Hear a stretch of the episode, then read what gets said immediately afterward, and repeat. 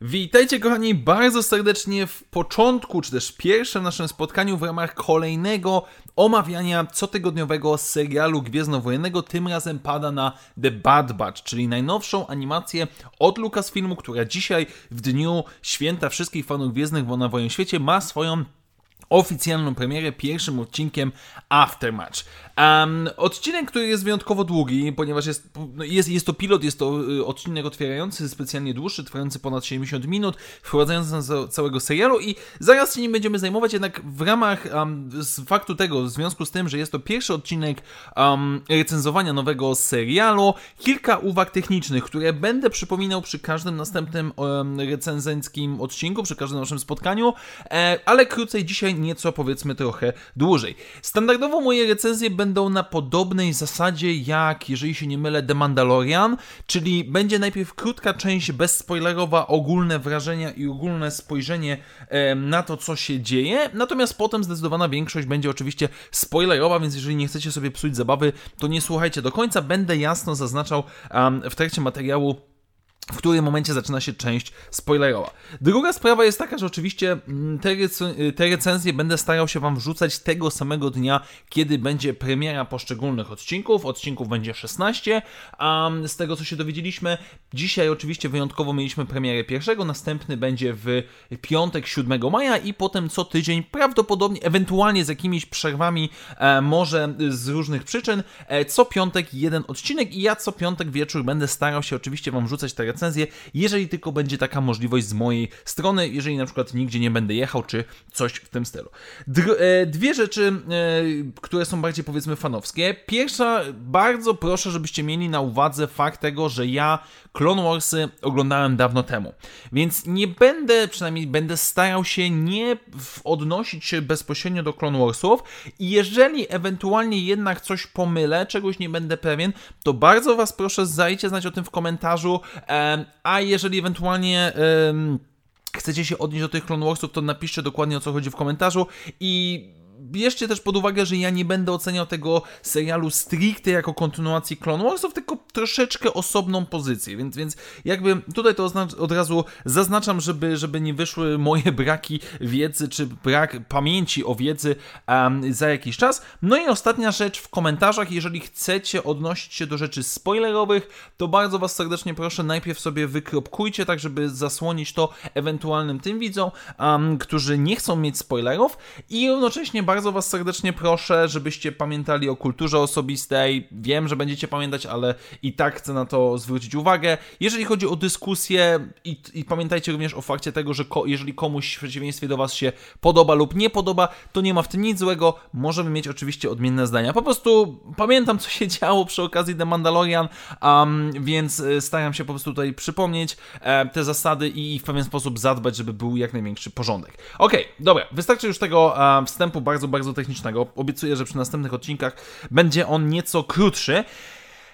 Część bezspoilerowa. Dostajemy 73-minutowy odcinek, który jest y, fabularnie, powiedziałbym, standardowym wstępem do nowego serialu, który przedstawia nam bohaterów, przedstawia nam wydarzenia, przedstawia nam protagonistów, antagonistów, okoliczności tego wszystkiego, daje nam pewnego rodzaju zagadkę, nazwijmy to sezonu. Nie wiem, czy to będzie zagadka sezonu, ale jakąś intrygującą rzecz. E, daje nam motywację wszystkich głównych przedstawionych nam postaci i moim zdaniem jest to bardzo dobrze zrealizowane. Jest jeden element, jeden fragment, powiedzmy, dzisiejszego odcinka, który ma swoje dosyć spore problemy. Ale generalnie rzecz ujmując, zdecydowana większość tego odcinka to jest to solidne. Inaczej, cały odcinek, większość, cała zdecydowana część tego odcinka, powiedzmy jakieś 80, 80 parę procent, jest solidne, łamane przez czasami bardzo dobrym odcinkiem wprowadzającym do historii i dobrze angażującą historią e, ze świata Gwiezdnych Wojen. Która mnie zaintrygowała. Znaczy, na tyle mnie zaintrygowała, że tak jak wiecie może doskonale, ja miałem ambiwalentny stosunek do tego serialu. Znaczy się, nie oczekiwałem nic wielkiego, nie oczekiwałem nic złego, po prostu stwierdziłem, dobra, co będzie, to będzie. A nie wiem, czy to podejście, czy po prostu ten serial jest na razie tak dobry, że ja jestem bardzo zainteresowany i z niecierpliwością, powiem szczerze, czekam na następne odcinki, bo jest dobrze. Może nie jest wybitnie, może nie jest powiedzmy przełomowo na świat Gwiezdnych Wojen, ale dostajemy naprawdę porządną porządną, um, porządny fragment, który moim zdaniem jest dobrym, łamany przez bardzo dobrym momentami wstępem do całej historii. Um, I tutaj kończę część bezspoilerową żeby nie psuć wam zabawy, więc jeżeli jeszcze nie oglądaliście, to, to najpierw sobie obejrzyjcie, a potem wróćcie do tego materiału. Um, więc przejdźmy do spoilerów. I tak jak mówię, moje ogólne wrażenie jest bardzo dobre. I szczerze mówiąc, nie wiem z czego do końca to wynika. A mam wrażenie, że tutaj nastąpiła pewnego rodzaju zmiana, jeżeli chodzi o sposób opowiadania historii, sposób przedstawienia bohaterów. A moim główne, że tak powiem, pieniądze stawiam na czas. Znaczy się, odcinek dostaliśmy 70-minutowy, co jest wyjątkowe jak na Gwiezdne Wojny animowane, bo zazwyczaj mieliśmy te 20-parominutowe odcinki. I tutaj widać, że twórcy mieli przestrzeń, żeby przedstawić to, co chcą. Mieli mieli możliwość przedstawienia nam końcówki wojen klonów, e, mieli nam możliwość przedstawienia zmiany z perspektywy klonów i z perspektywy Kamino tego, co się dzieje. Można było nam pokazać, jak, um, czym wyróżnia się Task Force 99, uh, czy też Bad Batch, nie tylko pod względem fizycznym umiejętności, tylko pod względem tego, że kiedy na przykład chipy są odpalane, no to nasze, nasze klony nie dostają, jakby nie aktywują im się te chipy z tego względu, że mają te swoje mutacje, o czym jeszcze za chwilę będę mówił. A Um, Więc e, również do tego mamy kilka naprawdę ładnie zaaranżowanych scen. E, pojedynek e, Huntera, powiedzmy Huntera i ekipy z Crosshairem na samym końcu, e, z tym oczekiwaniem na pierwszy strzał, z powiedzmy z grzmotami w tle, czy też powiedzmy ucieczka Kane, e, Kal Kaleba Duna, czy też Kanena Jarusa nad powiedzmy tą rzeczką płynącą w dole. Jest to, i są to rzeczywiście ładne widoczki, które czasami widać, że twórcy ok, zbudujmy napięcie, wyczekiwaniem, oczekiwaniem i pójdźmy idź, i potem idźmy dalej do przodu. A, czy też dialogi. A, swoją drogą tutaj będę dosyć mocno odnosił się do swojego kolegi e, Macieja Morawca, którego pozdrawiam serdecznie, jeżeli słucha, albo generalnie wszystkich członków, a jak będzie na Jawinie 4 grupy, z którą serdecznie polecam do dyskusji ogólnie o Gwiezdnych Wojnach, jesteśmy na Facebooku i na Discordzie, który zwrócił uwagę, że też również dialogi poszły do góry i przyznam szczerze, że tak, jakby bardzo mi się podoba to, że ekspozycja jest, jest momentami oczywiście niezbędna, ale jest ona na tyle sprawnie poprowadzona, że nie przeszkadza, jak i ogólnie czasami fajnie jest pokazane, że bohaterowie milczą. Jakby to, co ma do nas dotrzeć, jest przekazywane nam za pomocą obrazów, dźwięków, a nie mowy stricte, e, sensu stricte. Oczywiście nadal są tutaj elementy... Mm, w uproszczeniu mówiąc Clone Warsowate. Szczególnie na samym początku, kiedy Task, Task Force 99 nam się po raz pierwszy pojawia. Jest to no, taki peak performance, jeżeli chodzi o Clone Warsy, czyli droidy, które nie trafiają w naszych komandosów z odległości metra, komandosi robią rzeczy, które są nielogiczne, ale to jest, to jest jakby charakter i tutaj nie będę na to zwracał uwagi, chyba żeby osiągnie jakieś naprawdę absurdalne momenty, bo, bo z tego ma wynik, to wynika powiedzmy z konwencji, to wynika z tego, że jest to serial animowany dla młodzieży, chyba dla młodzieży, nigdy do końca nie wiem szczerze mówiąc, czy Bad Batch, Clone Warsy, Rebelsy, jaką one mają kategorię wiekową, więc jeżeli wiecie, to dajcie znać, ale chodzi mi o to, że to są te takie aspekty, które są. I na szczęście w tym odcinku nie ma tego za dużo. To nie jest tak jak pierwszy raz Bad Batch nam się pojawiło, że oni przez pół odcinka unikali tych strzałów i to już po prostu było za dużo. Tutaj twórcy podoba mi się, że a, często pokazują z innych perspektyw, z innych, powiedzmy inne ujęcia kamerą, żeby wyeliminować czy zniwelować ten efekt. Więc tutaj jest, um, bardzo mi się to naprawdę mm, podoba. Oczywiście, żeby troszeczkę dorzucić um, Jeden minus, który mi przyszedł, do, taka jedna scena, która zapadła mi bardzo w pamięć, to jest kiedy nasz oddział trafia z powrotem na Kamino i klony wynoszą jedno ciało na, ym, powiedzmy, przykryte y, z tą, jakąś tam płachtą i nagle z tego ciała z ręki wypada miecz świetny. I to była scena, to była jedna z niewielu, chyba jedyna scena w całym odcinku, gdzie naprawdę przewróciłem oczami, bo come on, jakby ja rozumiem, że trzeba zaznaczyć, tak, to są Jedi. Jedi zostali wymordowani i to jest y, tajemnica Poliszynela i to, znaczy może nie tajemnica Poliszynela, bo wszyscy o tym doskonale wiedzą i nie jest to tajemnicą, ale generalnie takie nastawienie, że ej, drogi widzu, to jest Jedi, no Moim zdaniem same zwłoki wystarczyłyby. Rozumiem potrzebę podkreślenia tego, ale to jest jedyny moment, gdzie tak naprawdę e, przewróciłem oczami. I poza tym fabularnie dostajemy, moim zdaniem, solidny wstęp. Znaczy się, nie ma tutaj nic odkrywczego. E, musimy mieć protagonistę, którym jest Hunter. Musimy dostać antagonistę, którym jest Crosshair. Dostajemy pobocznych bohaterów. Dostajemy tą zagadkę, czyli Omegę, która jest piątym, um, powiedzmy, zdeformowanym klonem to też, która będzie jedną wielką zagadką, bo z jednej strony jest dziewczynką, a więc jak, nie wiem, czy to jest klon Django Fetta, czy, czy jeszcze coś innego, czy jakieś pierwsze próby klonowania Palpatina, ponieważ też prawdopodobnie ona wyczuwa moc, przeczuwa coś mocą, a co najbardziej widoczne jest oczywiście w momencie, kiedy z Crosshairem rozmawia w więzieniu ale nie przeszkadza mi to aż tak bardzo. Znaczy się, ja widzę tutaj te stałe paterny, widzę te wzorce, widzę te zachowania, ale są one na tyle dobrze zaserwowane, że jest ok, że dobra, ok, macie moją uwagę, liczę na to, że e, będzie to dobrze rozwinięte. Nie jest idealnie, tak jak mówię, ale moim zdaniem jest całkiem, całkiem sympatycznie i naprawdę spoko. A, I teraz przejdźmy do bohaterów. I zacznijmy oczywiście od naszych głównych, powiedzmy naszego głównego duetu, czyli Hunter i e, Crosshair. I tutaj z tej dwójki mam większy problem z Hunterem, bo Crosshair jest dosyć prosty. Zostaje nam wyjaśnione w odcinku, że on na skutek tego, że jego chip nie do końca został zdeformowany przez mutację, to nadal jest podległy, więc mu tam troszeczkę podkręcimy dubstep w głowie i on teraz będzie zabijał swoich towarzyszy. Zakładam, mam pewne przewidzenia, mam pewne podejrzenia, że pod koniec sezonu zostanie on uratowany przez swoich towarzyszy i dołączy do nich, bo tak by przemawiała konwencja tego rodzaju seriali albo powiedzmy zostanie, albo nawróci się i poświęci się, żeby uratować naszych głównych bohaterów. Bardzo bym trzymał kciuki za to, żeby na końcu w jakimś tam pojedynku zginął, a prawdopodobnie zginie, ale nie wrócił na powiedzmy jasną stronę mocy. Ale to są oczywiście moje spekulacje i on jest dosyć prosty, tak? Z drugiej strony mamy Huntera, który jest ok, który jest troszeczkę bardziej rozbudowany, bym powiedział, względem e, tego, co do tej pory dostaliśmy z Star Wars 99, ale ma jeden zasadni- mam z nim jeden zasadniczy problem.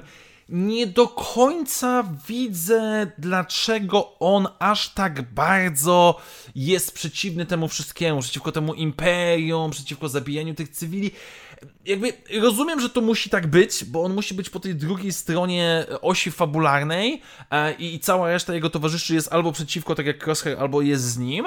Natomiast trochę, trochę mi to przeszkadza, jakby tak troszeczkę mi to nie pasuje, powiem szczerze, bo może to zostanie wyjaśnione, może to w trakcie sezonu i mam nadzieję, a, bo na chwilę obecną trochę to jest taki wytrych fabularny, no dobra, bo musi być jakiś główny bohater. A, jest jak najbardziej spoko, podoba mi się kolesia, podoba mi się to, że generalnie cały skład jest pokazany troszeczkę z bardziej ludzkiej strony i nie są tacy komicznie, mimiczno, 90sowo, e, 80sowo, actionowo bohaterami filmów akcji typu Arnold Schwarzenegger i, i tak dalej. Um, to jest spoko. E, ale z Hunterem mam nadzieję, że on troszeczkę bardziej będzie rozwinięty, bo nie za bardzo widzę powód, dla którego on aż tak bardzo jest anty. Jakby, ja rozumiem, że z założenia Bad Batch jest taki walić rozkazy i tak dalej, ale coś mi tutaj nie za bardzo pasuje, szczerze mówiąc, do końca. Natomiast jeżeli chodzi o całą resztę ekipy, czyli Wrecker, Tech i Echo, oni są fajnymi sidekickami. E, znaczy się z Echo nie wiem za bardzo, co on w tym Task 99 robi, szczerze mówiąc. Znaczy, bo jest byłym arkiem, jeżeli dobrze pamiętam. Co nie zmienia faktu, że no ze swoją mechaniczną jedną ręką, no nie wiem, może wykręcać śruby robotą, co dosłownie zrobił w tym odcinku. E, bardzo mi się podoba relacja Rekera z Tekiem, e, na zasadzie Reker, który doskonale zdaje sobie sprawę, e, że nie jest zbyt inteligentny i, i boli go głowa na sam, na sam dźwięk jakichś mądrych słów, po czym sam próbuje je przedstawiać e, w więzieniu. I bałem się go najbardziej, bałem się, że on będzie takim typowym tępym tankiem, i jest tankiem, ale takim z tym swoim urokiem, z takim takim powiedzmy misiowatym, szczególnie z tą swoją pluszanką Lula, e, lul, Lulą. Jest, ale jest okej. Okay. Tak jak właśnie moment, gdzie ej, to gdzie mam uderzyć w tej serii więziennej i wszyscy do niego, ej, nie tak głośno, dobrze, to gdzie mam uderzyć? E, albo właśnie kiedy powtarza e, słowa Techa, to, to są fajne rzeczy. Jakby, okej, okay, no jest takim dużym dzieckiem. Jest po prostu dużym dzieckiem, które na razie się cieszy, że będzie mogło na przykład dużo wysadzać powietrze. Z drugiej strony mamy tego Teka, który widać, że nie jest w stanie e, być powiedzmy optymistą, on jest takim realistą łamany przez pesymistą, bo jest tym naukowcem i jakby wyrzuca, jakby jego e, wyuczone cechy wrzucają mu, że ej, dobra, ja teraz muszę wytłumaczyć Rekerowi po raz tysięczny to, o czym mówiłem, mimo że doskonale wiem, że on i tak tego nie zrozumie. Podoba mi się to. Jakby jest to nerdzik, ale nerdzik, któremu dodam trochę charakteru i tutaj jak najbardziej na plus i, i te relacje między poszczególnymi bohaterami są dla mnie jak najbardziej na plus. Więc um, generalnie rzecz ujmując, cały cały odcinek jest w porządku, ale teraz a, muszę przejść do przysłowiowego słonia w, e, w pokoju, e, tak, to, tak to się zawsze nazywa, a mianowicie Caleb Doom i Depa Bilaba w tym odcinku. I Redcon. Krótko rzecz ujmując, dostajemy Redcon dosyć Inaczej, nie jest on ważny dla całej historii Kanena Jarusa. To trzeba sobie zaznaczyć, bo jest to kwestia zmiany początku, ale jednocześnie zmiany na gorsze. A jeżeli nie czytaliście Kanan The Last Padawan, czy The Lost Padawan, jeżeli się nie mylę, już sprawdzam sobie The Last Padawan, jest to naprawdę dobry komiks, dobrze narysowany i który najważniejsze świetnie oddawał e, relacje mistrza i padawana e, oraz i jakby tego, jakim padawanem był Kanan. A, i, I cały dramatyzm śmierci Depy Bilaby, odejścia, zamordowania jej na oczach swojego ucznia, y, to wszystko się w komiksie rewelacyjnie sprawdzało. Natomiast jednak w serialu dostajemy zupełnie inną kwestię na bardzo wielu poziomach. A z pierdół, klony, które służą wraz z Depą Bilabą i Kanenem, to są inne klony niż w innych, powiedzmy, kolorach, niż były w komiksie. E, klimat planety zostaje zmieniony, czy też okoliczności śmierci zostają zmienione. Zostaje zmieniony nawet miecz świetny Depy Bilaby, bo na animacji ma niebieski, w komiksie ma zielony. Przynajmniej no, w animacji ma ten niebieski. Nawet teraz jeszcze sprawdzę dla pewności, żeby nie było zaraz, że jakąś wpadkę popełnia. Ale e, generalnie mamy dużo tych e, rzeczy, które tutaj nam się pojawiają i, i które są. I jest to problematyczne głównie z tego względu, jeszcze sprawdzam tylko teraz ten nieszczęsny miecz świetny, żeby nie popełnić tej gafy powiedzmy. E, tak, Depa Bilaba ma tutaj niebieski miecz świetny. Niebieski miecz świetny. E, zgadza się. Więc e, generalnie rzecz ujmując, i, i teraz, e, przepraszam, bo troszeczkę się zagubiłem patrząc niepotrzebnie w monitor.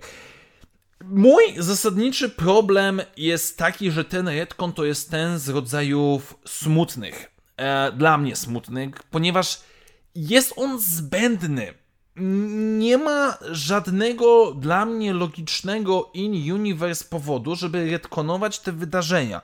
Nieważne, że w komiksie było to moim zdaniem bardzo dobrze zrobione. To, to, to nie jest istotne nawet teraz. Tak naprawdę w tym duecie Mistrz i Padawan, to, że to jest Depa Bilaba i Kanan Jarus nie ma żadnego absolutnie znaczenia. To mógłby być ktokolwiek inny. Jacykolwiek inni rycerze Jedi czy młodziki z poprzednich sezonów Clone Warsów i pasowałoby to tak samo dobrze. Eee, jedyne co widzę zastosowanie to jest fakt tego, że ej, słuchajcie, znacie animację, znacie Rebelsy, no to tutaj tam był Kanan Jairus, tutaj macie Kaleba Duma, jego młodszego siebie i wiecie, i to jest takie nawiązanie. To jest zbędny retcon. Znaczy się, on nie to nie jest tak, że on bardzo psuje nam jakoś uniwersum, to nie jest tak, że kanon się zniszczył, złamał i tak dalej, i tak dalej, ale kiedy ja to oglądałem i, i kiedy skończyłem, to miałem jedno pytanie w głowie, po co? Dla, dlaczego akurat te dwie postacie? Nie ma to żadnego moim zdaniem uzasadnienia e, logicznego, poza ewentualnie tym, zgaduję, że no dobrze, macie tutaj nawiązanie do Rebelsów. I gdyby jeszcze tego było mało, nie wiem, to już jest może jakaś moja taka, mm, jakiś taki mój uraz. A, Animacja The Clone Warsowa jest jaka jest. Oczywiście z latami podskakiwała do góry, była bardzo ładna i teraz też odcinek sam w sobie jest w porządku. Nadal widać gdzieś tam w pewnych momentach te ograniczenia animacji, także że wyrenderowanie zbyt dużego ruchu czy czegoś takiego jest, e, może być problematyczne, szczególnie przy włosach czy jakichś tam e, tunikach. Ale to, co zrobiono z twarzą e, Kaleba Duma, czyli Kanena Charusa, jest straszne. On wygląda źle. Po prostu on wygląda jak mocno niedopracowany model twarzy. No i z drugiej strony mamy też głos. I teraz w jego, jakby głos podkłada mu ten sam aktor, którego może teraz szybko znajdę. E, przypomnienie sobie, gdzie on nam się tutaj pojawia. E, Prince Junior, jeżeli dobrze pamiętam, zaraz sprawdzę dokładnie. On podkłada głos pod młodszą wersję siebie. I to wychodzi strasznie słabo, naprawdę creepy. Znaczy, to, to jest taki. Nawet nie powiedziałbym, że to jest może parodia samego siebie. Eee, przepraszam, eee, już patrzę. Freddie Prince Jr. On brzmi niepokojąco. To jest jak starszy, znaczy starszy facet, dorosły facet, który próbuje udawać dziecko, ale mu to nie wychodzi i dostajemy dzieciaczka, znaczy padałana, który ma te 14, 15, 16 lat z głosem 30-paroletniego faceta.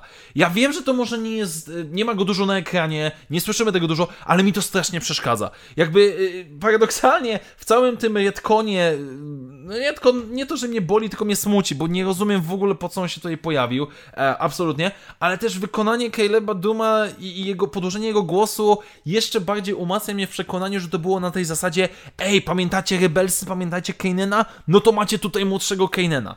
Mam nadzieję, że on nie wróci. Znaczy, jest wysokie prawdopodobieństwo, że gdzieś tam w którymś odcinku wróci i pomoże tej naszej ekipie.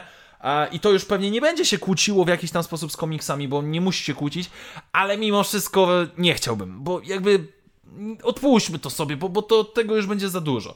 A już sam Sogera był dosyć sporym wyzwaniem, ale on jakoś tam sensownie przeszedł i, i został poprowadzony ok, więc w porządku. Ka ciekawi mnie, ciekawi mnie, czy Sogera też swoją drogą wróci. Dobra, żeby podsumować, ten naprawdę, e, naprawdę długi odcinek, który nam tutaj wyszedł dzisiaj, a ja jestem zadowolony. Jakby nie jest idealnie, nie jest to 10 na 10 i tak dalej, ale okej, okay, jestem kupiony, jestem zaintrygowany. Cieszy mnie to, że przez najbliższe 15, 15 tygodni, czyli powiedzmy a ponad te 3 miesiące będziemy dostawać jakiś nowy odcinek animacji Gwiezdnowojennej. Mam nadzieję, że to się utrzyma. Mam nadzieję również, że kiedy przejdziemy, zakładam, że przejdziemy do tego standardowego formatu 20-minutowego, a to jakość nie spadnie, bo chciałbym, żeby to naprawdę był inny serial, a, który odchodzi od tych standardowego podejścia Dave'a Filoniego, bo swoją drogą, co warto zaznaczyć, Dave Filoni nie jest twórcą tego serialu, jest producentem wykonawczym, ale nie jest odpowiedzialny za reżyserię. Do tego odcinka napisał część tego scen scenariusza. Zobaczymy, jak to będzie szło dalej, więc nie jest on aż tak bardzo zaangażowany w ten serial, jak powiedzmy przy Clone Warsach, no co jest logiczne, jak chłopak się zajmuje serialem o Bobie Fecie i kolejnym Mando, no to, to pewnie ma mało czasu. E, ale mam nadzieję, generalnie rzecz ujmując, że będzie dobrze, bo jest na razie ok. Ja przyznam szczerze, bawiłem się w porządku i mam nadzieję, że utrzymamy co najmniej ten poziom, a, jak, a w najlepszym wypadku jeszcze pójdziemy w górę. Tak więc dziękuję Wam bardzo serdecznie, moi drodzy, za dzisiejsze spotkanie. Do zobaczenia wkrótce w następnych materiałach. Oczywiście zapraszam do sekcji komentarzy, do, do dyskutowania i tak dalej. Pamiętajcie również o spoilerach i jak zawsze, niech moc będzie z Wami. Na razie, cześć!